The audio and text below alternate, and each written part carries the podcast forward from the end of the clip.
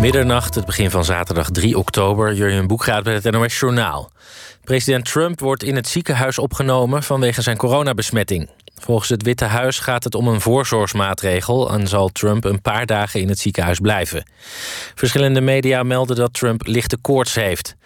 Vanavond maakte zijn dokter bekend dat Trump moe, maar opgewekt is.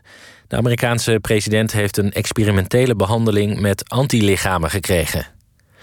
Madrid en nog negen omringende gemeenten hebben opnieuw te maken met strenge regels om het aantal coronabesmettingen terug te dringen. Inwoners mogen sinds 10 uur vanavond de komende twee weken hun gemeente alleen nog uit voor werk, school of een bezoek aan het ziekenhuis. Om te zorgen dat de Madrilenen zich aan de regels houden, worden politiefuiken rond uitvalswegen opgezet. De douane heeft in de haven van Rotterdam de afgelopen dagen drie grote ladingen cocaïne onderschept uit verschillende, uit verschillende landen. Bij elkaar iets meer dan 2000 kilo. De cocaïne zat tussen auto-onderdelen uit Brazilië, in een container met papier uit Chili en in een container met rozijnen.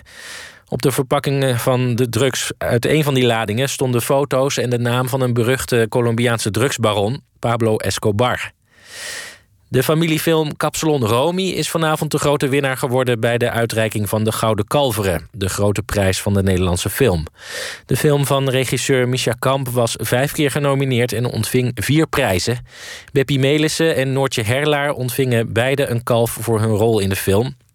Ook won de film over een relatie tussen een meisje en haar dementerende oma de onderscheiding voor beste regie en beste scenario. De belangrijkste prijs, die voor beste film, ging naar Boulado. In de eredivisie hebben FC Utrecht en SC Heerenveen gelijk gespeeld. In een lege galgenwaard werd het 1-1. Het weer. Vannacht vooral in het zuiden af en toe wat regen. Het koelt af naar 13 graden. Morgen overal regen en een graad of 15. Dit was het NOS Journaal. NPO Radio 1. VPRO. Nooit meer slapen.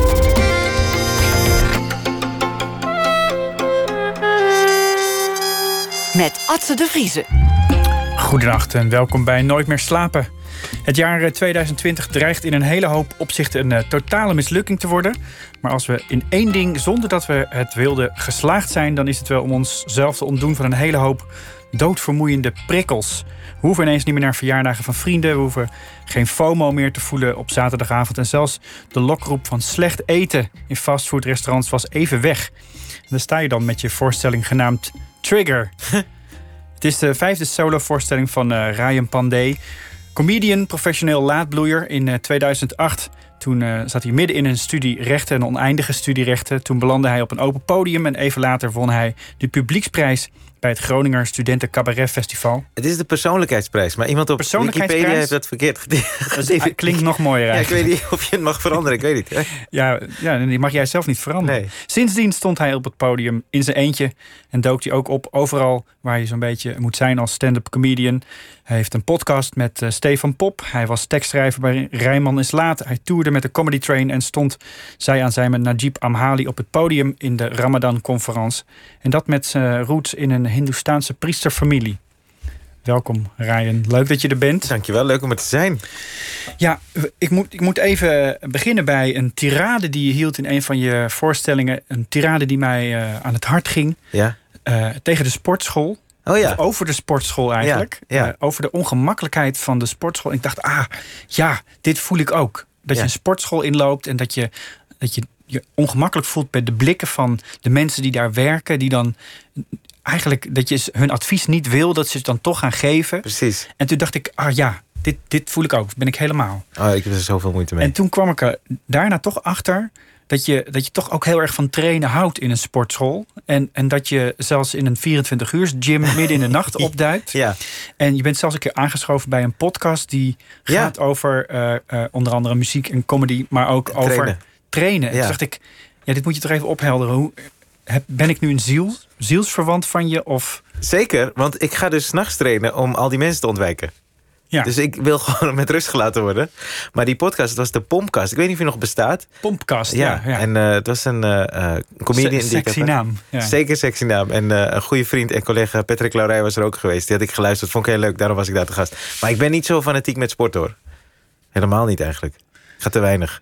Ja, maar waarom ga je dan... Ja, hoe is het dan om in de nacht in zo'n sportschool te komen? Want Rustig, zo dan is er bijna niemand, toch? Nee, en wat zo fijn is... eh, en gekkies, die heb je wel daar, s'nachts. Maar eh, wat, Wat wel... moet ik me voorstellen bij gekkies in een sportschool? Want in principe is het best wel iets doms wat je aan het doen bent, toch? Dat je met gewichten ja. beweging twintig keer gaat herhalen. En mensen die dan eh, in zichzelf praten, het is gewoon echt eh, gekkies. Die gewoon... En die zoeken naar oogcontact. Moet je echt ontwijken. Dat is het enige dat je dan s'nachts moet doen. Die ene gek moet je ontwijken. En eh, verder vind ik het heerlijk, omdat als ik dan s'avonds heb opgetreden... heb ik toch een soort van adrenaline. Ik kan nooit meteen slapen. En dan is het heerlijk om daarna naar de sportschool te gaan... even te trainen en dan naar huis te gaan. Een soort voldoening heb ik dan. Het is een betere oplossing dan, eh, zoals Najib Amhali, de lijntjes kook op je tafeltje Hij is thuis te leggen. Nee, hij is daar mee. Ja, daar is hij mee gestopt. Daar is hij mee gestopt. Ja, ja. Maar eh, dit is een betere uitlaatklep. Je hebt iets nodig om eventjes die adrenaline Ja. kwijt eh, te, te raken. Ja, en ik ging vaak met een collega. Nu zijn alle sportscholen, tenminste waar ik kon gaan, die is nu s'nachts dicht vanwege de hele coronamaatregelen. Maar ik ging vaak met een collega van Yunus. En dan waren we met z'n tweeën, was heerlijk. S'nachts trainen, beetje kletsen. En dan daarna McDonald's. Dat is niet echt een goede volgorde, toch? Nee, maar ja. ja, weet ik wel. Dat is onbedwingbaar. Ja. Om dan toch nog even... Ja, het is wel minder geworden, maar ik moet echt gezonder eten, man. Maar even over die sportschool. Want je, je omschrijft dus in die, in, in die sketch Ja. hoe dat dan gaat. Dat zo iemand je aankijkt en contact Oh, met je zoekt. Want dat is op feite ook hun taak. Hè? Dat ze is proberen niet je die- te helpen. Het is niet degene die daar werkt, hè? Nee, het is degene die eigenlijk naast je zit. Die eigenlijk, Aan het sport is. die eigenlijk gespierder is dan jij. Ja, ja, ja, ja, ja. Ja, precies. En die gaan zich dan bemoeien. Nee, dit moet je zo doen. Maar ik denk, ik heb je helemaal niks gevraagd. En eh, die gast om wie het gaat, die gast om wie het gaat, die is naar mijn show gekomen. En die kwam na afloop naar me toe. Die zei, hey, je bedoelde mij toch niet? Toen zei ik, eh, nee, natuurlijk niet. En jij dacht, shit, hij zit in de zaal. Je ziet je, ik wist het niet. hem in de na zaal. afloop loopt hij naar me toe. En hij geeft me hand zo. En hij zegt, hé hey man, dat stukje ging toch niet over mij, Zone? Toen dacht ik, jawel. Maar dat zei ik niet. Waarom niet? Eh, omdat hij, zoals je net al zei, gespierder is dan ik. Ja, maar op zo'n moment heeft hij de hele avond... Dan is hij toch je vriend. Hij heeft de hele avond om je gelachen. Ja, maar die credits gun ik hem ook weer niet. Maar dit is wel een ding wat, is, wat heel vaak terugkomt hè, in jouw voorstellingen. Dat je contact maakt met iemand. Misschien wel iemand die je helemaal niet kent. Of die, waar je toch... Waar op de een of andere manier is er een reden om con- contact te hebben. Ja, En dat gaat vaak fout. Er zit een soort wantrouwen in. ja. Waar, waar komt dat vandaan? Eh, mijn jeugd. Nee, ik heb geen idee, weet ik. Nou, ik, ik heb ooit gelezen... eh ik las zo'n boek van comedy schrijvers. Die zei eigenlijk is comedy een normaal mens in een gekke wereld... of een gek mens in een normale wereld. En ik eh, schakel daar heel vaak tussen. Dus ik voel me in zulke situaties zeker een normale gast in een gekke wereld. Maar soms besef ik me ook dat ik de gekke gast ben in een normale wereld. Maar ik heb wel moeite met de gang van alle dag eigenlijk. Dat ik, op de een of andere manier kunnen normale dingen me zo storen... Daar komt het denk ik door. Normale ik- dingen kunnen je storen. ja, dus wat als normaal wordt gezien eh, bij de media, maar ook komt. Of, eh, in mijn vorige show had ik over PostNL. Dat zijn dingen die misschien heel normaal zijn, maar ik, ik kan me daar echt aan ergeren. Dat ik thuis moet gaan zitten wachten tussen 9 en 5. Ik vind het verschrikkelijk. Dus daar heb ik echt heel veel moeite mee. Maar wat is dan het probleem? Want iedereen doet dat en het, ja, de, die, die man die moet komen, dat is, eh, dat- zo, zo werkt dat nou eenmaal. Het is de hele Waar- dag. Waarom ga je je dan lopen storen aan Ja, alledaagse dingen? Als ik dat wist, eh, dan, dan, dan stond ik ook misschien niet op het podium. Maar ik kan er gewoon niet. Het zijn zoveel uren. Tussen 9 en 5 kunnen wij nu wegrijden. Dan zijn we in Spanje of zo. Nou, dat is misschien overdreven, maar bijna. Toch? Hoe kan je dan, hoe kan PostNL niet weten of ze dan tussen 9 en kwart over 9 er zijn? Toch? Doe een beetje je best. Ik, daar heb ik echt moeite mee. De, de wereld wordt wel steeds slimmer wat dat betreft, toch? Zou je denken, nou, dat is nog een punt. Dat zou je denken, ja. Ik ben ook teleurgesteld in mezelf. Ik dacht dat we veel verder waren nu, tegenwoordig. Als mensen. Ik dacht toen het hele corona-ding opkwam in Wuhan, dacht ik... Oh, maar vaccin. En, en nu denk ik, oh, we zijn helemaal niet zo ver. Dus daar schrik ik van. Maar die interactie met mensen, dat kan een postbode zijn of een eh, gespierde gast in de, in de, Ja. in de, in de sportschool of, of je publiek. Ja. Die is heel belangrijk voor je. Je, vertelt er voortdurend verhalen over en je doet het ook. Ik was gisteren in eh, een eh, schattig klein theater in Beuzegem. Beuzegem, ja. Dat ligt ergens eh, aan de Lek bij Culemborg. Ja. En er waren dan 30 mensen, denk ik. Want meer mogen er niet in een theater er nu op dit moment. Ja.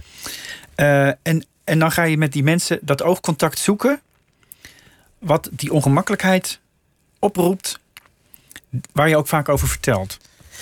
ja, nou, ik vind het tof dat je het zo analyseert. Want ik, ik kijk er dus zo niet naar. Bij mij ontstaat het gewoon. Ja. Ja. En het is niet eh, woede of zo, hoor. Dus dat ik boos ben op mensen. Ik vind, ik vind het leuk ook. Het ongemak, misschien voel ik me juist fijn bij het ongemak. Dat kan ook. Omdat ik weet dat ik daar dan iets... Kan ik, eh, ik, weet, ik heb in ieder geval een plek gevonden om het te ontladen. Misschien is dat waarom ik er niet zoveel moeite mee heb... dat ik het de hele tijd in me kan hoofd te houden. En is het dan de sportschool of het podium? Nee, het podium, zeker. Ja. Ja. Maar dan weet ik misschien weet ik onbewust van... oh, maar als dit me dus zo stoort... Ik, ik kan er in ieder geval kwijt. Ik hoef hier niet de hele, de hele dag mee te zitten. Dat vind ik zo lekker aan optreden. Hoe werkt dat als je in zo'n podium bent? Eh, Dus er zitten dan in dit geval niet zoveel mensen in de zaal. Je zei ook, ik kan jullie allemaal zien. Dat is normaal Ja. als je bij een zaal met een paar honderd mensen eh, staat te spelen. Is dat natuurlijk niet zo. Nee. Hier is het wel. Je, je kan iedereen zien. Ja. Je kunt één persoon of eh, één stel was gisteren de eerste rij. ja, zo. Maar die staat echt meteen bij die trap zo eh, naar beneden. hoe begin je dan? Want ga je dan, kijk je al vanaf achter het podium wat je in je zaal zitten? Nee, als ik, ik wil ook niet dat ze mij, dat ze mij zien. Maar eh, ik kan het dan een klein beetje zien. Ik kijk dan of de zaalverlichting uit is. Maar dat is eigenlijk als ik opkom. Dan kijk ik een beetje hoe die, hoe die zaal is. En nu kan je iedereen zien. Ik vind het wel fijn. Ik vind het ook fijn om oogcontact te maken.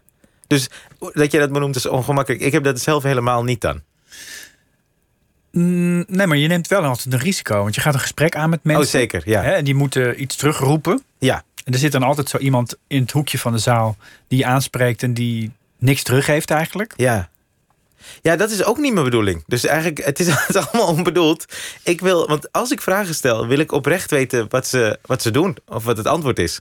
Ik wil het echt weten. Ik vind het ook juist leuk. Helemaal als ik dan in Beuzegem ben. Wanneer kom je nou in Beuzegem? Dan denk ik, ja, als ik daar dan ben, wil ik heel graag iets weten van iemand.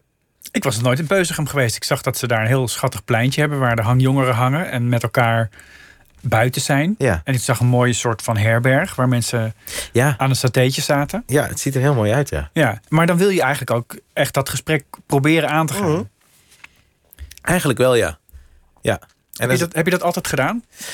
Het is een Eh. bepaalde element van comedy dat niet per se elke cabaretier heeft. Ja. Ik zeg eigenlijk al twee woorden door elkaar. Ik zeg comedy en cabaret. Dat zijn eigenlijk twee verschillende dingen voor mijn gevoel. Ja, in Nederland is, dat, eh, is daar een soort schijn. Kijk, stand-up comedy komt volgens mij uit Amerika. Ja. En eh, het is overgewaaid. Maar in Nederland hebben we een traditie van cabaret. Ehm, maar ja, voor mij zijn die dingen juist met elkaar verbonden. Maar er is dus wel een verschil. Maar goed, eh, ik, ik denk dat het bij mij komt doordat ik... nou, eigenlijk de reden waarom ik het zo tof vind... is dat kan alleen die avond ontstaan. Dus dat gesprek dat ik gisteren heb gehad bij de eerste show... en de andere gesprekken bij de tweede show... eigenlijk blijft dat me voor altijd dan een beetje bij. Dat is dan echt die avond gebeurd. En dat vind ik heel tof. Ik was een keer in Alkmaar, is drie jaar geleden of zo... en toen begon ik de show en ik, ik raakte aan de praat met een man... die was politieagent en die had die middag iemand uit het water gehaald... die zelfmoord had geprobeerd te plegen. Maar dat werd het eerste kwartier van de show. Het ging helemaal niet over de show. Die moest ik daarna nog eigenlijk doen. Maar dat is dan zo'n mooi verhaal in bijzonder. Ja, dat vind ik alleen maar tof. Weet ik ook, dat- dat is die avond gebeurd. Maar dat wil je natuurlijk ook hebben van zo'n publiek. Maar mensen moeten natuurlijk wel een soort schroom over. Ik kan me ook voorstellen Ja. dat het ook uitmaakt hoe laat je dan speelt. Want gisteren speel je dan twee keer. En Ja. mensen, de eerste keer dat je speelt, dat is dan om half acht. Ja, Eh, ik merkte bij mezelf dat ik eigenlijk nog niet echt toe was aan rustig zitten in een ja, ja, ja, theaterzaal. ja. Want je, hè, de oppas en het eten eh, na- naar binnen geschrokt en eh, snel die auto in. Hopen dat er geen file is. Ja. Is het dan anders bij een tweede show? Ja, eh, en gisteren vond ik dat niet eens zo erg. Ik merkte het maandag heel erg. Toen stond ik met Comedy Train op tour in Leiden. En ik speelde met Theo Maassen onder andere. En de eerste show was om zeven uur. Maar het was op een maandag. En ja, mensen hebben dan tot vijf uur gewerkt, komen thuis, eh, snel doen. Eerste dag van de week. En eh, eh, om zeven uur merkten wij wel van... hey, ze zitten er nog niet echt lekker in. En dan de tweede show, daar merkte ik wel een groot verschil tussen. Wa- Wat, verander je dan je strategie? Ja, een beetje wel. Als je, tenminste, als ik dat weet, ik probeer dat wel mee te nemen in hoe ik dan speel. Zeker ook qua tempo en, en de energie die er is soms. Maar dat is echt per zaal verschillend. Dat merk ik nu nog meer dan ooit. Eh, per zaal is dat verschillend. Soms eh, heeft een zaal meer energie nodig, soms juist minder. En eh, het belangrijkste is dat ik in deze setting helemaal eh, vertrouw op wat ik wil doen. Omdat je niet, je kan niet zo makkelijk op de lach spelen als in een volle zaal. Is het nou.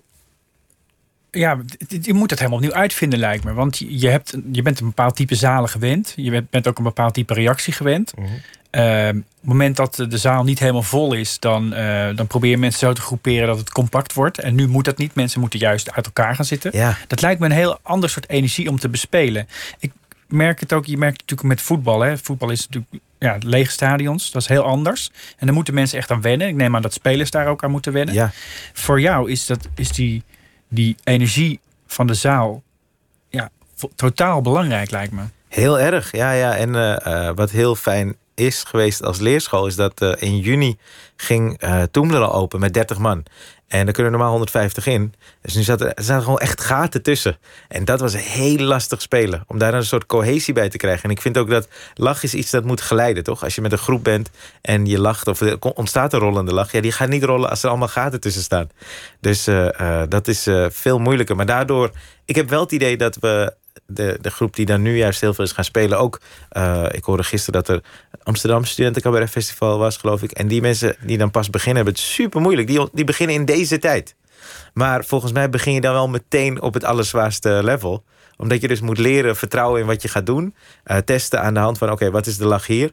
Dus eh, je leert juist echt een beetje survival modus. En ik heb het altijd een soort uitdaging gevonden... om de moeilijkste optredens regelmatig aan te nemen. Dus eh, ik vind het ook altijd wel tof om mezelf uit te dagen. Wat zijn de moeilijke optredens? Ik, ik kan me voorstellen dat het makkelijkste optreden is als je voor een zaal zit vol mensen die jou kennen en weten waar ze voor komen. Ja, ja dat is vaak... Maar wat is het moeilijkste? Wat, Moeilijk is, eh, ik heb een keer in New York opgetreden voor twee mensen. Dat was moeilijk. Ik kreeg ruzie met de helft. en eh, eh, wat ook moeilijk is, is als... Ik, dat eh, had ik de eerste keer dat ik in een kleine komedie stond. Met mijn eerste voorstelling. Toen waren een paar mensen kenden me al. En een paar niet. Dus het was 50-50. En de helft die zat er dus vanaf het begin in. Die dacht zoiets van, hey, deze gast is leuk. Wel eens wat van hem gezien. En die andere helft die dacht, nou, ja, laat eens zien wat het wordt. Laat, laat bewijs je maar eerst. En dat was heel gek. Want daar kon ik dus heel moeilijk een soort cohesie krijgen... Van, van, om daar één zaal van te maken.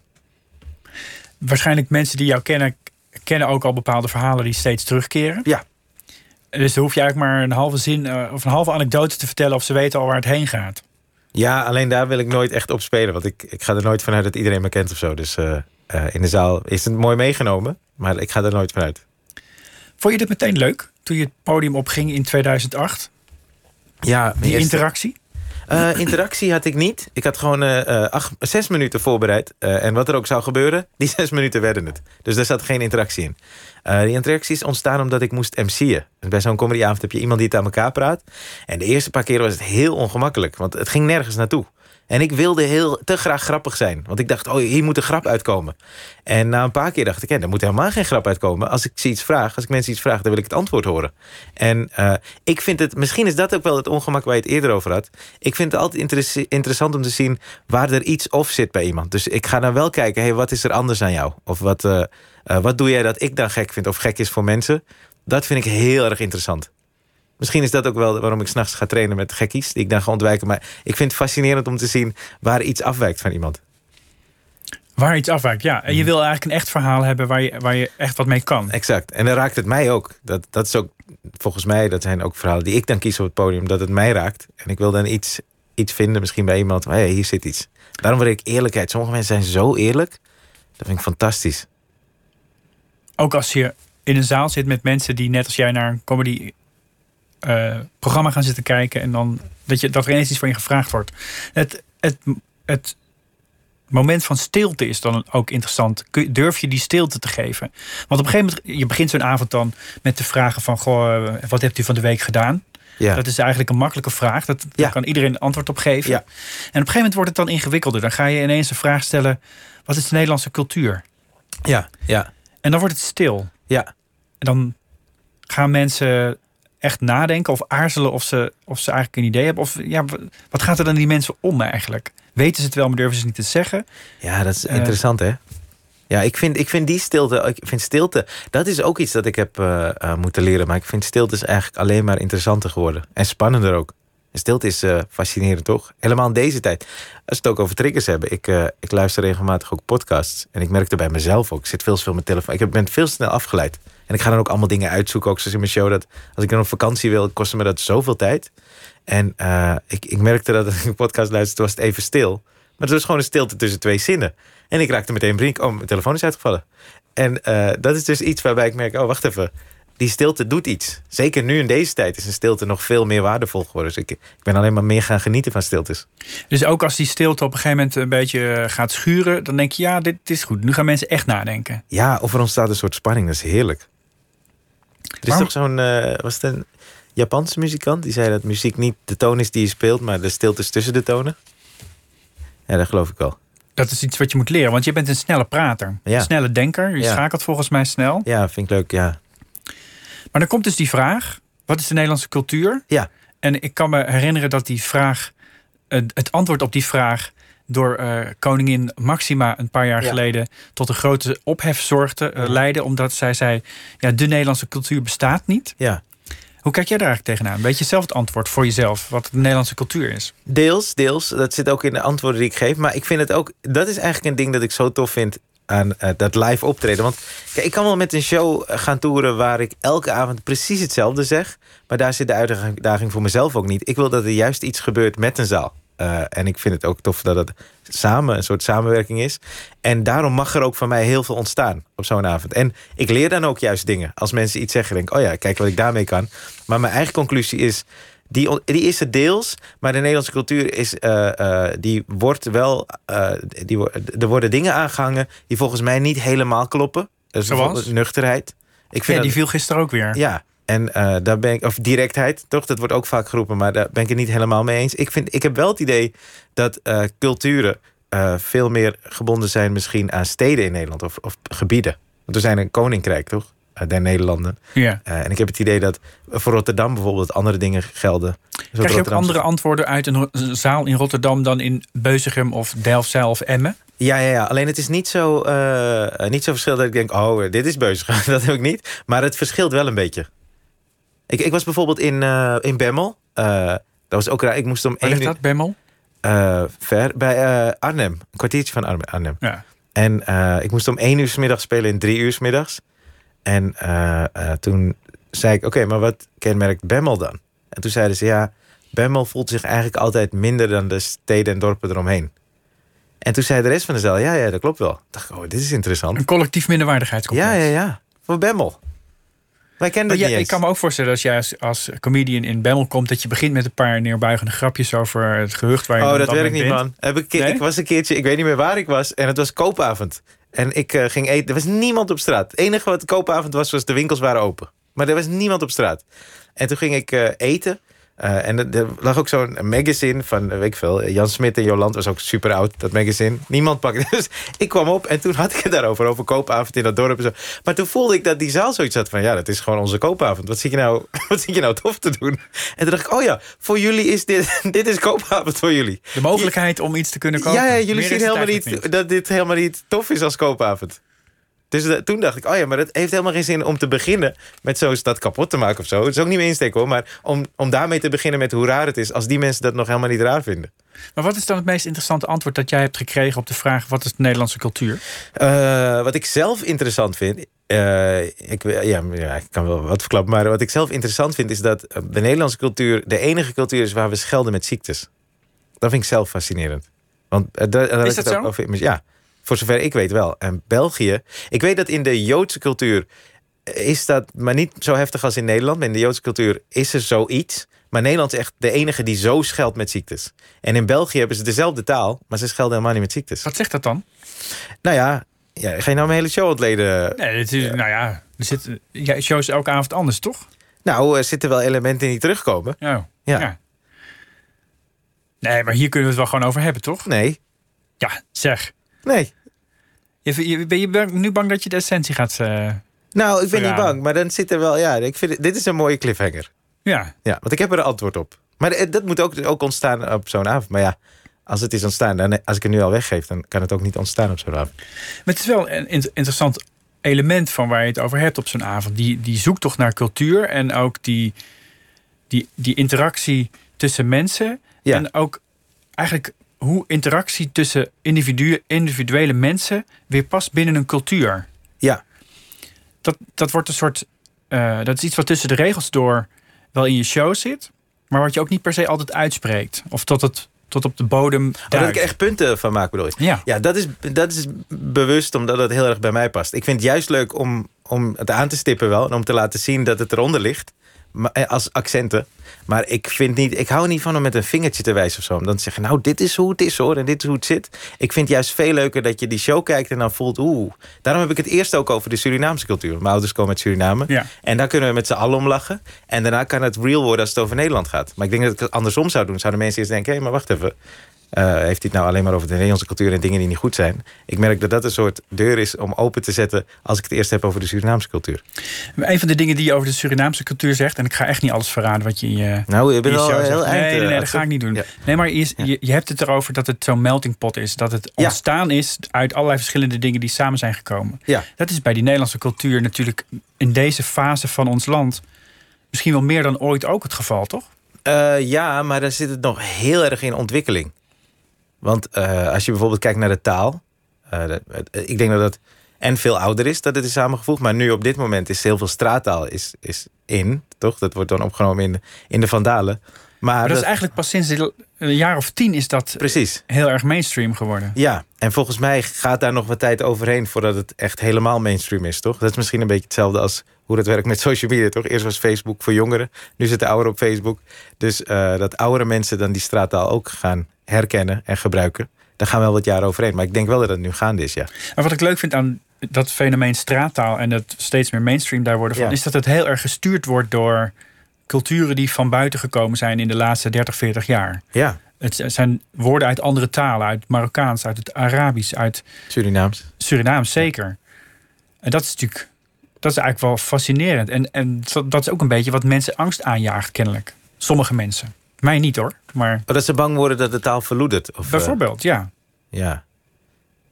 Ben je, een ben je een taalpurist? Lijkt me niet. Ik hou, ik hou van de taal. Vind ik fascinerend. Ik vind het ook leuk om te kijken waar dingen vandaan komen. Bijvoorbeeld, eh, ik had het pas met een collega Howard Komproe. Eh, hij- is ook heel erg van uitzoeken waar dingen dan vandaan komen. Zeker als het om taal gaat. En in het Surinaams heb je dus veel invloeden van de Nederlandse taal. Ook van de Engelse taal, oud-Engels vaak. Maar ook van de Duitse taal. En eh eh, we hadden het over BAM. Bijvoorbeeld bij Surinaamse feesten ze altijd... het is van 12 tot BAM, van 9 tot BAM. Ja. Maar BAM is een Duitse uitdrukking. Bis au morgen. Eh, Is dat zo? ja. Dat heb ik nooit, eh, nooit gerealiseerd. There you go. Ja. En er waren dus eh, Duitse zendelingen, vertelde hij, die naar Suriname gingen om eh, eh, eh, ehm, slaven te bekeren, geloof ik, tot, het geloof. En eh, daar komen heel veel Duitse namen ook vandaan. Seedorf, Spalburg, heel veel Duitse Siegfried. Heel veel Duitse namen die Surinaamse namen zijn geworden. Eh, maar hij had het ook over de uitdrukking Novasmi, dat dat van het Duits eigenlijk komt, Vasmi geniegt. Dat soort dingen vind ik heel interessant om uit te zoeken en te kijken waar het vandaan komt. Is dat een, dan, als je het hebt over de Surinaamse cultuur, een element van de Surinaamse cultuur dat verschilt met de Nederlandse cultuur? Dat het uitzoeken van waar dingen vandaan komen. Omdat, omdat eigenlijk al die mensen die op dat eiland, of in dat land wonen, van allerlei hoeken van de wereld vandaan komen. Het eten is samengevoegd uit elementen die eh, eigenlijk helemaal niet bij elkaar passen en die samen toch iets nieuws gaat vormen. Is dat een wezenlijk element geworden van de Surinaamse cultuur dat we hier nog niet zo gewend zijn aan deze kant van de Oh, misschien, ja, ja, misschien wel. Misschien wel. En het is ook relatief kort geleden. Dus dat het daardoor makkelijker uit te zoeken is waar het dan vandaan komt. Bijvoorbeeld de roti, eh, zoals wij dat kennen van Suriname. Ja, het is een Indiaas gerecht oorspronkelijk, maar die maken roti is geloof ik zelfs brood. Het is een soort synoniem voor brood. Dus dat kennen ze niet zo als dat gerecht, zoals wij dat. Tenminste, dat zal in streek zo zijn, maar niet in heel India. En daardoor kan je het heel goed uitzoeken en vergelijken, omdat het dus relatief nieuw is. Hetzelfde geldt voor eh Jamaicanen die dan rasta hebben. Dat komt van Indiase goeroes die dan rasta en wilden zijn. Maar dat kan je dus allemaal uitzoeken, omdat die geschiedenis, dat is nog heel erg te vergelijken met waar het oorspronkelijk vandaan komt. Die zijn er ook nog. En waar het nu is, dat is er ook. Vind je het zelf? Heb je er zelf iets mee met dat, die mentaliteit van het uitzoeken? Ja, heel Ook- Ook erg. van je eigen roots bijvoorbeeld. Want jij bent geboren in Zaandam. Ja, Je bent een, eigenlijk gewoon een, een Hollander. ja, zo, ja, ja. Maar je, je bent daar wel heel erg mee bezig. Van hoe zit het dan precies? Ja, En- ik, met alles, man. Eh, ook met Zaandam. Eh, Monet, die eh, schilder, die is, is een tijdje in Zaandam geweest. Die vond de Zaan geweldig. Dus die heeft iets van twintig schilderijen. En die ben- ga ik dan ook allemaal uitzoeken. En ik denk, oh, wat tof zeg. Oh, daar is hij geweest. Dat vond hij zo. Bijvoorbeeld Vincent van Gogh. eh, Vin- Vincent van Gogh, zijn broer Theo. Die is eh, eh, na zijn dood is hij depressief geraakt. ziek geworden en gek. En zijn vrouw heeft hem vervolgens van Frankrijk naar Nederland gestuurd. En uiteindelijk is hij overleden in een soort gesticht in Den Dolder. Maar Den Dolder is de plek waar nu een TBS-kliniek zit... waar Michael P. vandaan kwam, die Anna Faber heeft vermoord. Dat is eigenlijk dan dezelfde plek. Ik zoek dat dan uit en vind ik het fantastisch om erachter te komen. Wanneer ga je dit zitten doen? S'nachts. S'nachts, Dat is, het, dat is het moment, toch? Ja, zeker. Dan, dan heb ik rust, soort van. Dan heb ik niet zoveel prikkels. Ja, het grappige is, eh, dingen uitzoeken en s'nachts, dat, dat, dat hoor je heel vaak. En eh, ook, er zijn ook mensen die, die belanden juist in die, in die complotsferen... doordat ze s'nachts allerlei dingen gaan uitzoeken tot op het bot. Ja, dat je de, de, de, de, de, de kanon, of hoe noem je dat? Met een Q. Dat je, dat je, dat je helemaal in krochten van het internet terechtkomt. Uh, maar jij gaat gewoon uitzoeken hoe het zit met Den Dolder en de broers van Vincent Ja, van ja, ja. Gogh. En, eh, Ja, ik was dan in het Van Gogh Museum en toen zag ik dat hij overleden was in Den Dolder. Den Dolder, ben ik dat gaan uitzoeken. Maar ook eh, bijvoorbeeld toen die documentaire van Michael Jackson, daar had ik het ook even over in de show. Maar toen die uitkwam, ik zat er helemaal in. Ik ging allemaal artikelen zoeken van de jaren negentig, van die eerste zaak van Jordan Chandler. En toen merkte ik op een gegeven moment dat ik echt tot negen uur 's ochtends wakker was om allemaal artikelen te lezen. Toen dacht ik, ja, dit is ook niet oké. waarom niet? Omdat ik ook gewoon moet slapen en mensen gaan naar hun werk en de zon komt op. Dacht ik, ja, deze tijd ook kunnen besteden aan eh, gewoon in bed liggen, lekker slapen. Maar dat doe je toch eigenlijk altijd tot zes uur of zo Ja, zes eh, uur wakker zijn. ja. En dan tot, eh, tot twee uur slapen. Maar als ik het kan. Als het kan. Maar nu, ja, ja, nu is het wat drukker omdat ik en die optredens heb. Ik doe daarnaast ook wel eens mee met clickbait. Ik heb allemaal dingetjes tussendoor nu. Ik vind het een interessante tijd ook voor mensen die dingen gaan uitzoeken. Eh, er zijn natuurlijk heel veel mensen die zijn ook collega's van jou, comedians of, of influencers of weet ik veel wat. Mensen die nu alles willen weten over het coronavirus of Ja. over politieke macht en over hoe dat allemaal zit. En dat, het, het is wat dat betreft, als je het hebt over triggers, echt een interessante tijd Ja, op het gebied van informatie. Er, er is heel veel informatie beschikbaar. ja. Eh, en we weten allemaal niet precies wat we ermee moeten. En we Nee. weten ook niet of we wel entitled zijn om, eh, om vervolgens met die informatie iets te doen. Ja. Hoe kijk je ernaar? Ja, ik vind, dat vind ik dus ook fascinerend. En dan niet per se het uitzoeken van alles, maar wel dat mensen zich in een soort zijpad kunnen gaan eh, bevinden. Waar ze allemaal hun eigen artikelen, of eigen artikelen, maar allemaal artikelen die dan onofficieel zijn. Waarbij ze dan tegen het RIVM zijn, dat ze dan helemaal gaan uitzoeken, hun eigen waarheid hebben. En eh, tegenover de waarheid van het RIVM, dat soort dingen. Dat vind ik fascinerend om te zien hoe die mensen zich dan eh, eh, eigenlijk uitspreken op social media bijvoorbeeld. Ja, er, zit, er zit in die soort van opgedane kennis zit ook een soort van superioriteitsgevoel. Zo. Komt daaruit voor. Enorm. Enorm. En ze, en ze willen altijd zeggen, ja, ik ben geen viroloog hoor, maar. En dan komt het. En dan eigenlijk hoor je, ja, je bent wel een viroloog. Dat vind je wel. Ja. Ja. Je, je, je, je bent weliswaar geen viroloog, maar je hebt toch het idee dat je. Dat je meer weet dan de rest. Ja. Ja, ja, ja. ja. Ben je daar gevoelig voor? Eh, als mensen dat doen, ja, het, het Nee, irriteert me. zelf? Want Oh, nee. iedereen heeft dat toch een beetje? Ja, maar ik heb, ik heb nee, zeker niet met, eh, met eh, als het om de- deze tijd gaat. Maar ik heb niet dat ik denk, ik weet het beter. Ik, nou, bij, over sommige onderwerpen misschien wel. Ik, ik, was, ik was een keertje, toen Eddie Murphy zou een comeback maken. En eh Coming to America 2 is opgenomen. En toen was ik eh, uitgenodigd om daarover te praten ergens. Volgens mij was het hier bij Radio 1. En toen was er een soort filmkenner. Maar ik dacht, ik weet meer van Eddie Murphy dan hij. Maar hij overklaste mij totaal. En toen dacht ik, wauw, oké. Maar ik vind het alleen maar tof dan dat er iemand is die meer weet dan ik. En dan wil ik dat leren. We zitten hier met eh Ryan Pandey. We hebben het over zelfonderzoek. Hm. En eh, dat gebeurt natuurlijk vooral in de nacht. Hij is een, eh, een echte nachtvlinder die eh, na zijn optredens... die zijn nu natuurlijk even wat minder, maar normaal natuurlijk wel... gaat hij de, de gym in en dan vooral mensen ontmijden, vermijden... die eh, dingen van je willen die je eigenlijk helemaal niet moet willen. We hebben het gehad over, ehm, over eh, het, het- de interactie die je dan hebt op het, op het podium... Eh, de mensen die, die iets van je willen, die je iets moet geven ook te- tegelijkertijd. En die interactie die vind ik echt interessant aan, aan wat je doet elke keer. En je hebt op de een of andere manier ook een soort observatie van wat mensen eigenlijk met jou doen en hoe mensen op jou reageren. Het grappige vind ik dat je elke keer terugkomt op een, op een bepaalde vorm van reageren op andere mensen. En dat heeft met onbegrip te maken. Eh, het korte lontje. Want je, je noemde net al dat mensen, als je vraagt wat is Nederlandse cultuur, dan zeggen ze ja, nuchterheid of directheid. Ja. Ehm, en wat je heel vaak in je, in je verhalen hebt, dat doe je overigens over jezelf ook, maar ook Ja. over mensen die je tegenkomt, Ja. is opmerken dat mensen juist een kort lontje hebben. Ah, dat, ja. ze, dat ze op ontploffen staan. ja. En dat is wel een interessant fenomeen, omdat je aan de ene kant, als mensen het tegenover jou doen, dan, dan begrijp je daar niks van, dan veroordeel je dat. ja. En tegelijkertijd zie je bij jezelf dat je het ook de hele tijd doet. En wel begrijpt. En dan, ja, ja, wel begrijpt of niet begrijpt. Ja. Ja. begrijp je het bij jezelf als je. Ja, vaak. Je tenminste, ik vind dat, dat is echt de zoektocht voor mij altijd. Ik probeer mezelf altijd te begrijpen. En ik, ik heb het idee dat als ik mezelf echt goed begrijp, dan kan ik andere mensen ook begrijpen. En als er dus dingen zijn waar ik onbegrip voor heb, dan probeer ik dat wel te begrijpen. Dus bij andere mensen, als ik dan denk, waar komt dat vandaan? Ik probeer het oprecht te begrijpen. Wanneer ben je bij jezelf gaan herkennen dat je dat gedrag vertoont? Want het Nou. is iets wat in elke voorstelling van jezelf terugkomt. Ja. Het, het schreeuwen specifiek, hè? Het, de stem verheffen. Ja, ik denk dat ik er. eh, ik werd me er bewust van. Dus wa- wanneer ik. Je bedoelt wanneer ik daar. eh, wat is, wat is Wanneer ben je het gaan doen? Ik de, nou, ik deed het volgens mij automatisch. Maar ik merkte in, in mijn vorige relatie dat. Ik had een discussie met mijn ex. En zij zei. Zij schrok heel erg. Ze zei: Je bent aan het schreeuwen. Ik zei: Ik ben helemaal niet aan het schreeuwen. En eh, ik besefte me toen. Oh ja, maar. Of niet toen. Dat duurde nog wel even een dagje. Maar later dacht ik. Als zij vindt dat het schreeuwen is. Zij is de ontvangende partij. Dus dan is het schreeuwen. Maar voor mij was dat helemaal niet zo. Voor jou voelde het eigenlijk dat je voelde jezelf rustig.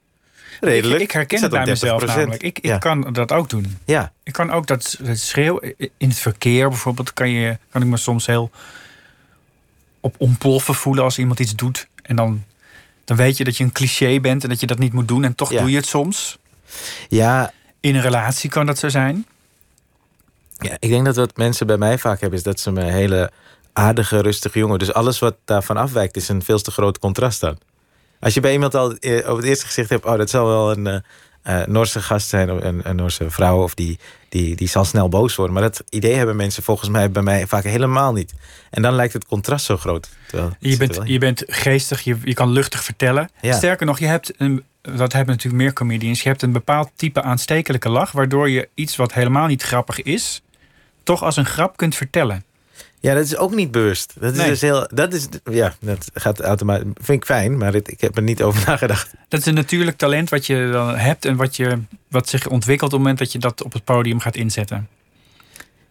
Ja, dat ontstaat. Ik probeer wel zo dicht bij mezelf te blijven. Dus dan vertaalt dat zich blijkbaar één op één. Maar waar, waarom komt dit steeds terug in je, Die, in je voorstellingen? Ja, die woede. Omdat ik er zelf niet van afkom. Het is, het is een soort onder. Ik dacht dat. Ik ben nu 37. Ik dacht op een gegeven moment als je ouder wordt, word je rustiger. Ik er niet. ik, weet niet waar het vandaan komt, man. Dus eh, ja. Er zijn, er zijn zoveel dingen waar ik me dan over opwind of zo. Slecht slapen is wel een, een soort eh drijvende kracht daaronder. Ja, zeker. Ja. Ja. ja. Je wijst ook altijd heel nadrukkelijk naar je familie. ja. Die dat eigenlijk jou met de paplepel heeft ingegoten. Dat schreeuwen een oplossing is op het moment dat je iets van elkaar wil. Ja, ik gaf ze vaak de schuld bij. Ik ben erachter dat het echt wel aan mij ligt. Maar is het dan eh, karakter of cultuur? Oh, ehm,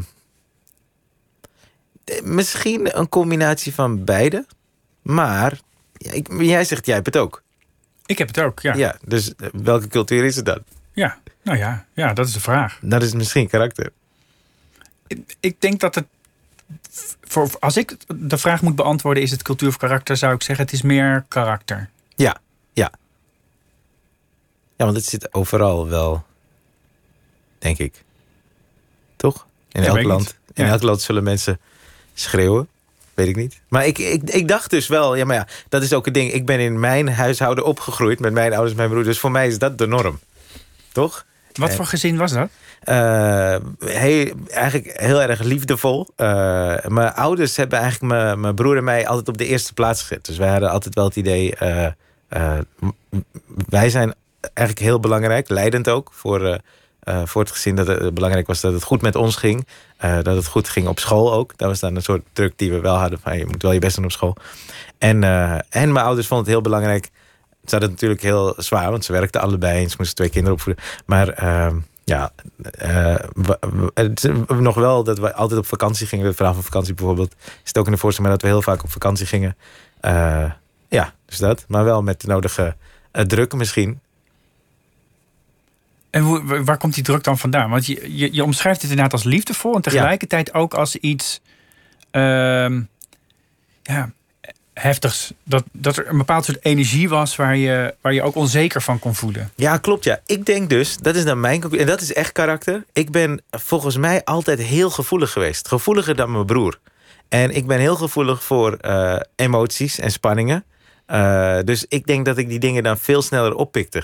En eh, ook wat meer introvert was. Dus veel meer om me heen keek. En veel gevoeliger was voor alles om me heen. En daar ook mijn gedachten bij had. En die niet per se uitte. Daarom ben ik nu zo blij dat ik... Als ik met iets zit, weet ik, ik kan het daar uiten. Maar dat voelde dus niet zo. Omdat ik dus ja, heel erg alles aan het opnemen was. En, eh, eh, En ik denk dat ik dus dan heel gevoelig was voor alle kleine spanningen. En dat ik me die heel erg, ook als ik het vergelijk met andere comedians, is dat wel een, een ding. Is dat hoogsensitiviteit? Dat je dan heel veel dingen oppikt en heel gevoelig bent voor, voor alles. Maar zet je dat ook in, in je werk? Ja, het is wat het is. Dat is ook, het is eigenlijk hoe, wie ik ben. Dus dat vertaalt zich dan. Eigenlijk, eigenlijk is het. Uh, elke voorstelling van mij is iets dat op dat moment speelt in mijn leven. Dus waar ik, waar ik dan uh, mee bezig ben, wat ik kijk, wat er op dat moment ook met mensen om me heen gebeurt, of, of met het nieuws. Dat moet wel een soort. Ik probeer wel een soort tijdsgeest te pakken. Oké, hier ben ik nu. Daarom wilde ik deze show ook niet uh, stoppen. En dan pas gaan spelen als de theaters weer normaal open zijn. En denk ja, dan wil ik liever een voorstel maken over hoe ik dan in het leven sta. Ik wil niet twee, drie jaar lang spelen met iets dat uh, dit jaar speelt voor mij. Wees je nu heel anders dan aan het begin? Toen je, ja. Want je begon ermee uh, toen de lockdown nog niet, uh, toen de theaters nog open waren. Ja, ja een week, anderhalve week voor de première is alles dichtgegaan. En ik had een voorstelling van een, een uur en veertig minuten. En het decor was ook net af, alles stond echt net. En ik had juist een soort lekkere flow in die voorstelling. Met een lijn van, ik dacht, oh, dit voelt heel lekker. En mijn regisseur, Wimmy Wilhelm, waren echt zoiets... oké, we zijn er bijna, nog een paar stappen. En nu ben ik dus teruggegaan naar een uur, een uur spelen. En dan moesten dus een paar verhalen uit. En daardoor was die rode draad eigenlijk best wel kwijt. Dus ik ben nu. En, het is, en, en nu vind ik het ook heel lastig, want mensen betalen over het algemeen meer voor een kaartje. Uh, en de voorstelling is echt teruggebracht tot een uur. En ik wil ze dan wel echt iets geven. En als ik dan langere verhalen in zo'n voorstelling ga doen, denk ja, dan hebben ze een uur naar langere verhalen zitten luisteren om een per se een boog in te, te persen. En die ben ik nu eerder aan het zoeken nadat ik wel alles dat ik graag doe en kan doen in zo'n voorstelling zetten. Dus dat het wel een hoog comedy gehalte heeft. Dat ik ook muzikaal uh, wat kan doen. Dus dat het wel een soort voelt als van, er is wel veel gebeurd in een uur. Ik kan me ook voorstellen dat, dat, dat je die tijd ook wel nodig hebt. In de zin, je vertelt heel veel over jezelf. Ja. Je vertelt de dingen die ik nu uh, over, je, over je familie hoor. Ja. Die, die zitten ook allemaal in je voorstellingen. Ja. En daar zit natuurlijk een bepaalde dynamiek in. Uh, ja. Soms vlieg je uit de bocht. Zet je dingen heel scherp neer. maak je vergroot je dingen uit. Bijvoorbeeld hè, ruzie tussen je ouders. Ja. En jij op de achterbank in de auto. En je ja. denkt niet scheiden, niet scheiden. ja. En tegelijkertijd wil je ook die sfeer meegeven aan de mensen... dat je dat liefdevolle gezin hebt gehad. En dat, als je dat allebei wil, dan heb je daar tijd voor nodig. Ja, klopt ja. Ja, zeker. Ja, en er zat een verhaal, dat vond ik zo belangrijk uh, in de voorstelling. En die, ik hoop dat die dus terugkomt zodra de regels weer wat normaal en, en ik langer kan spelen. Dat ging over de eerste keer dat ik echt, echt verliefd ben geworden op de middelbare school dat is iets dat heel veel over mij heeft gezegd. En dat, ik merk ook, ik hoorde vaak dat mensen dat dan herkennen... van die eerste echte verliefdheid. Maar dat verklaart zoveel over mij. En misschien is dat ook wel een verschil in de, uh, in de vorige shows. Dat ik eigenlijk eerst heel erg ageerde tegen uh, de buitenwereld. En dan de buitenwereld als. In de meeste show woonde ik nog thuis en uh, relaties zo. Maar ik denk dat ik gaandeweg achter ben gekomen. Het ligt niet helemaal in. Ik ben, ik ben die gast. Het ligt aan mij. Dus ik ben denk ik heel langzaam geswitcht van een normale man in een gekke wereld naar een gekke man in een normalere wereld. En je, bent je bent tot boven je dertigste thuis blijven wonen? Ja, 30, volgens mij 30, 31, ja. Is dat, uh, is dat inderdaad gekke man in een uh, normale wereld? Of, of... Nou, dat is dus zo raar. Ook mijn studie. Want je hebt best wel, ik heb elf jaar rechten gestudeerd. Ja, waarom eigenlijk? Ja, een goede vraag als ik het wist. Maar voor mij is dat dus normaal, toch? Want ik deed die studie. En ik wist niet eens dat dat nog kon in deze tijd. Volgens mij kan dat nu niet meer, maar ik ben dan een van de, een van de laatste. Maar dan moet je een studieschuld hebben van hier tot uh, Tokio. Nou, dat was dus ook mooi, want uh, ik, na negen jaar um, kreeg ik een brief van de IB-groep, heette het toen nog. Nu heet het Duo, geloof ik. Dus de IB-groep, en die zeiden: uh, als je het niet binnen negen jaar haalt, één diploma, dan wordt die studieschuld hoog. En ik was thuis wonen, dus ik kreeg geen uitwonende dingen. En uh, volgens mij moest ik mijn OV ook terugbetalen. En uh, ik had nog één vak, bestuursrecht. En dat heb ik toen als mondeling gedaan. En daardoor heb ik mijn bachelor gehaald. En dan werd die schuld dus kwijtgescholden. Dus ik moest maar één jaar terugbetalen. Maar waarom deed je dat dat een rechten? Wil, wilde je het zelf? Deed je het omdat, je, omdat er een maatschappelijke carrière van je gevraagd werd? Ja, ik vind uh, strafrecht vind ik heel tof. En altijd tof gevonden. En ik, ik, toen ik op de basisschool zat en begin middelbare school... zag ik advocaten als Moskowitz en Spong, die waren toen vaak... Dat vond ik heel cool. En ik weet ook dat uh, familie van mijn vader in Suriname... er zit een rechter tussen en een advocaat. En daar hoor ik al, ik vond het altijd wel tof of zo. Toen dacht ik, advocaat lijkt me cool. Hoe werkt dat dan? Als je elf jaar studeert en je woont ondertussen bij je ouders... dan krijg je toch elke dag aan het ontbijt krijg je commentaar op, lijkt me? Ja, ja, ja zeker. ja, Ja, dat vond ik heel vervelend. Maar die, ja, dat zat ook in. Dus ik vond het zelf wel vervelend. Mijn ouders vonden het ook vervelend. Maar die hadden ook. Ik snap ook dat mijn ouders dan denken: ja, maar wat, wat ga je dan doen? Wat, wat is dit nou? Het is ook niet normaal. Ik had een keer een tentamen gemaakt. Toen had ik een vier. Toen dacht ik: oh, dan ga ik het hele boek lezen. Dan haal ik het wel. Ik heb het hele boek gelezen, had ik een drie. Ja. Dat betekent dat je eigenlijk gewoon het verkeerde spoor te pakken hebt. Op een andere, op een andere route. Ja, zeker, ja. ja. Hoe, hoe, ontspan, hoe, hoe werkt dat dan in de dynamiek tussen jou en je ouders? Als je, Ik denk dat zij zich toen heel erg zorgen maakten. Dat ze dachten, komt het wel goed met deze jongen? Dus daar zit dan ook een deel van de spanning. Want ik denk dat mijn ouders vooral dachten... ik wil dat deze jongens slagen. Dat het goed met ze gaat. En dat ze op een goede manier in deze samenleving terechtkomen. Dat ze eigenlijk in alle tools waar ze hun hele leven mee bezig zijn geweest. En ik liep dat helemaal te verkloten door elf jaar eh, over mijn studie te doen. En ik denk dat toen ik met eh, comedy begon, eh, in het begin... mijn moeder had zoiets van, weet je, dat rechterwerk toch niet. Volg gewoon je passie. Want dit is blijkbaar iets dat je voelt. ga gewoon het podium op. Ja, en mijn vader die was een beetje sceptisch totdat hij kwam kijken. Toen was hij wel echt, toen vond hij het heel tof ook. Dacht hij, hey, dit is wel cool. En de zaal reageert goed. En eh, ik werkte toen eh, na een paar jaar samen met Jurgen Rijman eh, en uh, Roué Verveer ook. En die, die zagen dan mijn vader. Hey, maar je zoon heeft echt veel talent. En toen dacht hij, oh oké, oké, als de mensen uit het vak dan dat zien in hem. En Wimmy ook. Bekende koppen van tv ook. Bekende, dat hielp ook, ja. Dus volgens mij kreeg hij toen door. En bij het comedycafé waar ik toen speelde... had je ook dat een deel... Ja, een deel van de comedians... dat was niet echt een groep die daar ambieerde... om nog een carrière eruit te halen. Dus die ja, eh, drugs en drank speelt dan ook wel. Maar mijn vader had volgens mij al wel door... oh, deze gast is wel bezig met een carrière. Hij, hij gaat niet die kant op. En volgens mij kreeg hij toen juist vertrouwen. Toen dacht ik, oh wacht, volgens mij... wat we erin hebben gestopt zit er nog wel een beetje in. Eh, Maar toch op de een of andere manier heb je allerlei dingen ook uitgesteld. Hè? Het Ja. einde van die studie, maar Ja. ook het, het überhaupt het, nou, het huis uitgaan en daarmee het, het volwassen worden, op eigen benen staan. Ja. Waar- waarom is dat? Vind je het moeilijk om volwassen te worden? Vind je jezelf nu volwassen? Hele, hele goede vraag. Mijn vader luistert nu ook en die denkt... ja, Ryan, vind je jezelf nu volwassen? Nou, en? Ehm, nee, ik denk dat het eh, half, niet helemaal. Ik denk dat ik... eh, ik, Wat moet er gebeuren om jou volwassen te maken? ik wil niet volwassen worden. Nee, ik, ik voel me echt, echt goed. Ik voel me ook heel prima bij het leven dat ik leid. Ook het, het werk dat ik doe. Ik kan me geen toffere baan voorstellen. Echt niet. Dus misschien ben ik zo gelukkig dat ik niet volwassen wil worden. En ik denk dat tijdens mijn studie... ik heb wel altijd het gevoel dat ik dacht... ja, maar dit, ergens is dit het niet. Ik wil misschien wel advocaat worden, maar dit voelt niet helemaal goed. Dus het druiste heel erg in tegen een gevoel... dat, eh, dat innerlijk heel, eh, heel erg tekeer ging. Dat ik dacht, ja, maar dit klopt gewoon niet. Het is ook wel een beetje een generatieding natuurlijk. Ik denk dat je de manier waarop jij op het podium staat en de verhalen die je vertelt. Ja. En dan gaat het over eh, de onbedwingbare drang om bij de McDonald's te eten. Daar had je, had je het Ja. net al over. Het is Ja. eigenlijk iets bijna kinderachtigs, want dat hadden we allemaal toen we tien waren. Ja, klopt, ja. ja. Ja, ja, Ja. sorry dat ik het zeg. Nee, nee, het is waar, zeker. ja. Eh, eh, geen kinderen. Ja, Ja, misschien komt het er ooit nog van. ja.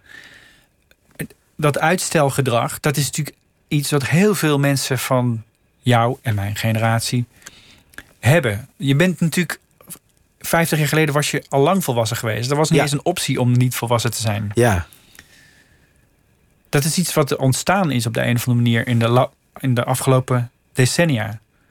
Ja, dat ook sinds de generatie ding, maar waar ik zelf moeite mee heb. Ik, ik heb en misschien ook dat ik dan ouder word en dan kijk ik om me heen. En dan zie ik mensen zitten en die, die gedragen zich dan op een bepaalde manier heel volwassen. Maar dan denk ik, ja, maar dit is niet wie jij bent. Toch? Dat hebben mensen zich aangemeten. Door dan op een gegeven moment serieus te gaan doen. Met je stem gaan praten. En, eh, en andere kleren aan te doen. Maar dan denk ik, diep van binnen ben je nog gewoon toch die jongen van 10, van 15. Die, die, misschien wil ik die ook niet verliezen. Dat ik, ik vind dat speelse juist heel fijn in het leven. Dat ik eh, met een bijna onbevangen blik, misschien soms naïef, naar allemaal dingen kan kijken. En misschien ben ik bang dat ik er anders niet zoveel van kan genieten. Is 15 een beetje je mentale leeftijd? Dat is Eh, wel erg jong, hè? Ja, nee, maar ik wil gewoon kind zijn. Dat, dat zit er wel in. Ik denk dat mijn mentale leeftijd misschien 25 is. Dat gok ik. Ja, dat Zo, ja. zou ik je ook geven. Ja, dankjewel. Ja, hier. Nee, ik ben dus... Ik ben niet bang om oud te worden, maar ik, ik voel me er hier gewoon heel fijn bij of zo. Ik heb, eh, ja... Maar aan de andere kant, ja, het werkt ook. Kijk, als ik, als ik op het podium zou staan, ik zou al die dingen vertellen die me raken... en het, het, en het raakt mensen niet... ja, dan is er een soort discrepantie, toch? Tussen die twee dingen. Maar die is er niet. Dus blijkbaar, voor mij is dit wel het volgen van mijn gevoel op die manier. Ik vind het wel grappig als ik dan jou zie op het podium en je, en je bent die jongen van 25. Ja, Eh, en, en, en er zitten, in de zaal zitten dan mensen die gemiddeld 55 zijn. Ja. Gisteravond in elk Ja, geval. zeker. Ja. Ehm, dan heb je eigenlijk ook een soort generatieconflict. Wat, wat je op een leuke manier natuurlijk uit kunt spelen. ja. Snappen mensen dat? Zie je, dat, zie je daar iets ontstaan in die hoofden? Oh, dat vind ik fantastisch. Echt, eh, wat ik heel erg merk. Eh, bij, eh, ik, ik was twee, drie jaar geleden werd ik geïnterviewd door Ivo Nieën. En ineens zaten er veel oudere mensen in de zaal. Ja. en ik, ik link die twee echt wel aan elkaar wat dat betreft. Want na die uitzending had ik ineens door het land veel ouder publiek. Maar wat ik zo tof vind is om dan te kijken... eh, want daarom vind ik het ook leuk om in allemaal landen op te treden... in alle andere talen, of tenminste in het Engels dan... maar anderstalige landen. Dat, wat, hoe kan ik een connectie maken? En ik merk dat ouder publiek het sowieso helemaal niet erg vindt als het bijvoorbeeld over seks gaat. Maar dat als er een verhaal komt. Ik hou heel erg van verhalen vertellen. Maar als er dan een verhaal komt, dat ze juist heel erg smullen van een verhaal. In plaats van hey, korte, snelle grappen. En dat vind ik heel tof om dat te zien. Ik weet nog dat ik de eerste keer in Hogeveen moest optreden. De Tamboer heette het theater. Dat was mijn eerste show. Ik kom op. Er waren ook belachelijk veel kaarten verkocht. Want ik speelde toen voor 30 man zonder dat er regels waren van het RIVM. Ja, ja, dat was gewoon mijn, Dat was van je basis. mijn basis. En ineens waren er 70 kaarten verkocht. Ik, kom, ik zag alleen maar wit haar. Dus er waren alleen maar oude, vooral oude vrouwen, gewoon bejaarden. En toen dacht ik, oh mijn god, hoe ga ik, hoe ga ik mijn show hier doen? En ik ben aan het optreden. En ineens zag ik zo die, die, die hoofden bewegen. En toen dacht ik, oh, die, die zijn aan het lachen. En, en toen dacht ik, oh, deze mensen, die voelen mij ook. Dat, op een of andere manier kunnen wij ook een connectie maken. Ja, maar er zit natuurlijk ook een bepaalde jaloersmakende... Ieder- Iedereen wil zich onverantwoordelijk en uitstelgedrag. Dat, eigenlijk is dat aan de ene kant... Je wil niet dat je zoon het vertoont. Ja, Maar als je zo'n jongen op het podium ziet staan... die dan vertelt over domme dingen die gebeurd zijn... of, eh, of, of inderdaad tot diep in de nacht eh, documentaires kijken... of Ja, ja, ja. weet ik veel wat, naar de, naar de gym gaan. Ik, zou, ik wil nooit meer naar een sportschool... maar als ik het nog één keer wil gaan doen... dan wil ik wel in de nacht. ja, precies. je, er zit een soort jaloersmakende... Oh, dat we gaan dat- allemaal weer, wij gaan allemaal naar huis na die voorstelling. Ja. En dan gaan we misschien wel naar bed. Misschien drinken we nog een kopje thee.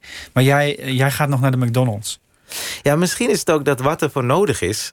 eh, dus voorstelling maken. Ik kan daar zo van genieten. Het is ook een passie. Maar wat er voor nodig is, doe ik zo graag.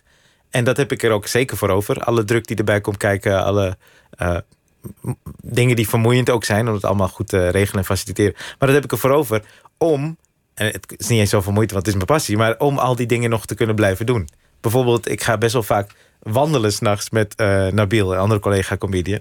En dan wandelen we door Amsterdam. En dan is het gewoon midden in de nacht. En dan denk ik, oh, maar dan hebben we het er ook over hoe, hoe bijzonder het eigenlijk is, toch? Dat je gewoon midden in de nacht kan lopen door eh, de, een van de mooiste steden van de wereld.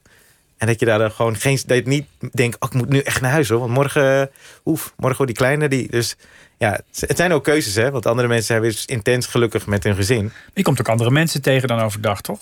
Als je überhaupt mensen Zeker, tegenkomt. dat is heel gek. Nabil en ik, wij worden s'nachts vaak herkend door zwervers en taxichauffeurs. Dat is een hele rare fanbase die we hebben.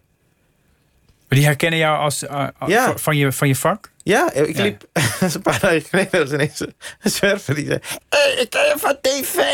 Hey. En toen kwam hij naar me toe lopen en zei hij: Heb je 10 euro? Toen zei ik: "Eh, Nee. En toen zei hij: Kan je niet gaan pinnen? Toen dacht ik: Wow, dit is heftig. Toen zei jij coronacrisis, vriend. Ja, precies. Ik, heb, ik heb niks meer. Ja, ja, ja. Maar die, die nacht is, de nacht is jouw vriend, hè? Ik, Mhm. ik zeg altijd, ik hou van de nacht, maar de nacht is niet mijn vriend. Maar de nacht is wel jouw vriend. ja, ja, ja. Is het een goede vriend eigenlijk? Eh, het is zeker een goede vriend, maar niet in. eh, ik vind dat het eh, in de wintermaanden zwaarder is. Dus in de zomer vind ik het heerlijk. Maar in de wintermaanden is er te veel nacht. Dus dan is de kans heel erg groot dat als ik uitslaap bijvoorbeeld... of laat naar het theater ga, dan zijn er echt nog maar een paar uren met zonlicht. En dan is de rest speelt zich... de- mijn, hele, mijn hele leven speelt zich dan af in de nacht. En dat is niet fijn. Maar je bent er nu aan het veranderen. Een beetje noodgedwongen. Of, of Een beetje, ja. Als het moet. Maar het blijft wel prachtig, man. Ik vind ook in New York, man. Als je, ben je wel eens in New York geweest? ja, Als je dan daar, heb je geen nacht, toch? Dan gaat alles altijd door. Alles gaat door, maar als je in de nacht daar rondloopt, vind ik heerlijk. Hoe is de nacht in Zaandam dan? Heel stil, die, die is niet zoveel aan. Maar is, is die nacht en, en, het, en het opzoeken van die stilte... Is dat, dan, is dat dan ook een vorm van uitstellen van volwassen worden?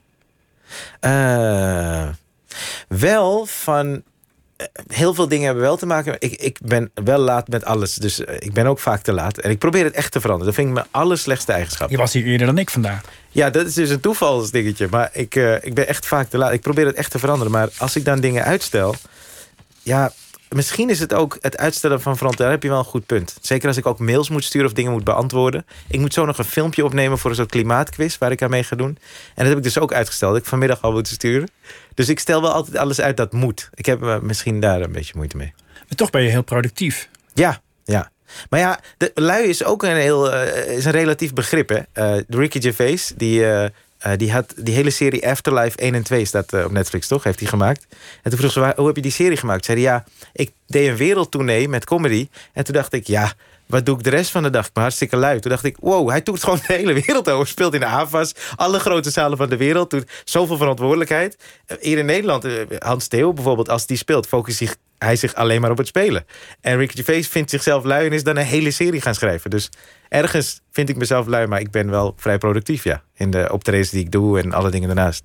Ja, want ik, ik kan me voorstellen, als je, zo'n, als je twee keer moet spelen op een avond bijvoorbeeld, ja. dat, dat kost concentratie. Je probeert ja. ook nog eens. Dat, ik, vind, ik vond het beste argument voor jouw uh, nachtbestaan dat je zegt van ik wil gewoon op mijn meest energiek zijn op het moment dat ik op het podium sta. Dan ja. moet ik eigenlijk halverwege mijn dag zijn en niet, niet al een hele werkdag erop hebben ja, zitten. dat geloof ik echt. Ja. Dus het, het is gewoon eigenlijk een vrij, uh, vrij, vrij legitiem argument, vind ik, om, uh, ja. om een uh, late night levensstijl te verklaren. Ja. ja. Maar ga je dan daarna nog schrijven aan iets bijvoorbeeld? Uh, ja, als het moet. Ik, ik heb wel eens columns geschreven. En als dat dan moet, dan is het ook altijd last minute. Oh, dat is echt heel. Ik, ik, echt zo'n slechte eigenschap. Maar blijkbaar is die druk voor mij wel nodig om te presteren. En ik heb wel een soort theorie erover dat als het om een studie ging, uh, was die druk dus altijd te laat. Want dan, je kan niet vlak voor een tentamen als in een uur daarvoor gaan beginnen. Maar uh, als je een show maakt, bij mij is het meeste, dat zit in mijn hoofd. Ik schrijf ook heel weinig op. Ik schrijf wel steekwoorden, maar het meeste ontstaat in mijn hoofd. Maar die druk is dan blijkbaar nodig. En die druk kan je ook meenemen tot op het podium waar dan dingen ontstaan. Uh, en bijvoorbeeld bij een tentamen, je kan niet die druk meenemen tijdens het tentamen dat ineens allemaal antwoorden ontstaan bij je. Maar dat is dus het verschil wel met uh, uh, cabaret en comedy. Dat heel veel dingen waarmee je bezig bent, die ontstaan onder een bepaalde druk. Je hebt die voorstelling natuurlijk gemaakt vanuit het idee uh, te spreken over triggers, over, dingen, Ja. over prikkels, over dingen die, uh, die, Ja. uh, die impact op ons hebben. Ja, Um, en dat, dat verzin je dan twee, drie jaar geleden. Ja. En, en nu is die situatie natuurlijk totaal anders. Is, is voor jou dat hele idee van, van waaruit die voorstelling is ontstaan door corona eigenlijk weggevaagd? Of, of, of wordt het juist scherper? ja eh, dat is dus een soort eh, zoektocht, want eh, het is allebei. Aan de ene kant is wat er stond, en die 1 uur en 40 minuten, dat, dat voelde echt als een soort: dit klopt. En dat is een beetje weggevaagd. Maar tegelijkertijd met corona. En nu is er echt te veel onzeker. Want bijvoorbeeld de voorstelling morgen in Nijverdal. Ze kregen geen vergunning, dus die gaat dan niet door. En daardoor is het niet lekker om goed te kunnen bouwen. Uh, maar er is wel veel meer aan de hand. Alleen om dat te kunnen grijpen moet er wel iets begrijpbaars zijn.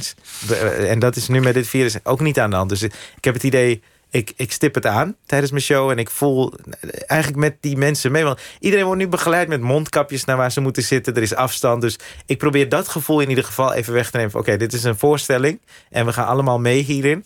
Maar Eh, mensen zijn wat dat betreft misschien wel juist. Hè, in feite gaat het idee van trigger gaat over dat je afgeleid wordt door dingen die eigenlijk Ja. helemaal niet belangrijk zijn. Ja, dat je documentaires zit te kijken en daar iets van vindt. ja, Dat je social media voortdurend afgaat. ja. Het lijkt wel alsof we nu allemaal meer in het moment zijn dan ooit. Eh, Dat we in elk geval waarderen dat we weer naar theater mogen, bijvoorbeeld. Ja, voor die mensen. Ja, die mensen die komen, ja, maar dat is toch wel echt bijzonder hoor. Dat is echt bijzonder dat mensen dat doen, vind ik. Dat ze naar het theater komen met zo'n mondkapje op. Ja, en- ja. En al, al die ontberingen, ook na afloop is er soms geen drank, maar dat ze denken, ik wil die voorstelling zien en ik wil naar het theater.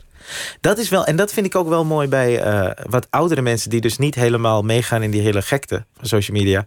Hun spanningsboog is veel, veel groter. Langer? Is langer of groter? Groter. Groter, ja. Groter, ja. In Heemstede bijvoorbeeld heb je, dat is standaard wat ouder publiek. Maar die mensen hebben zoveel rust, die, die hoeven niet op hun telefoon te zitten.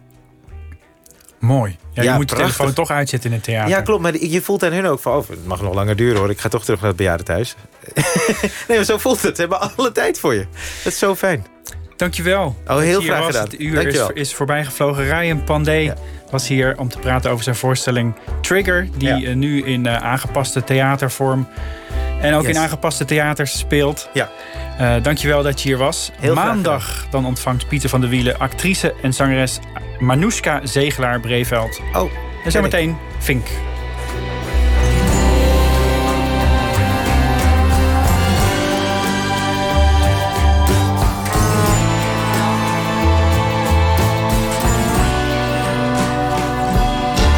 Op Radio 1, het nieuws van alle kanten.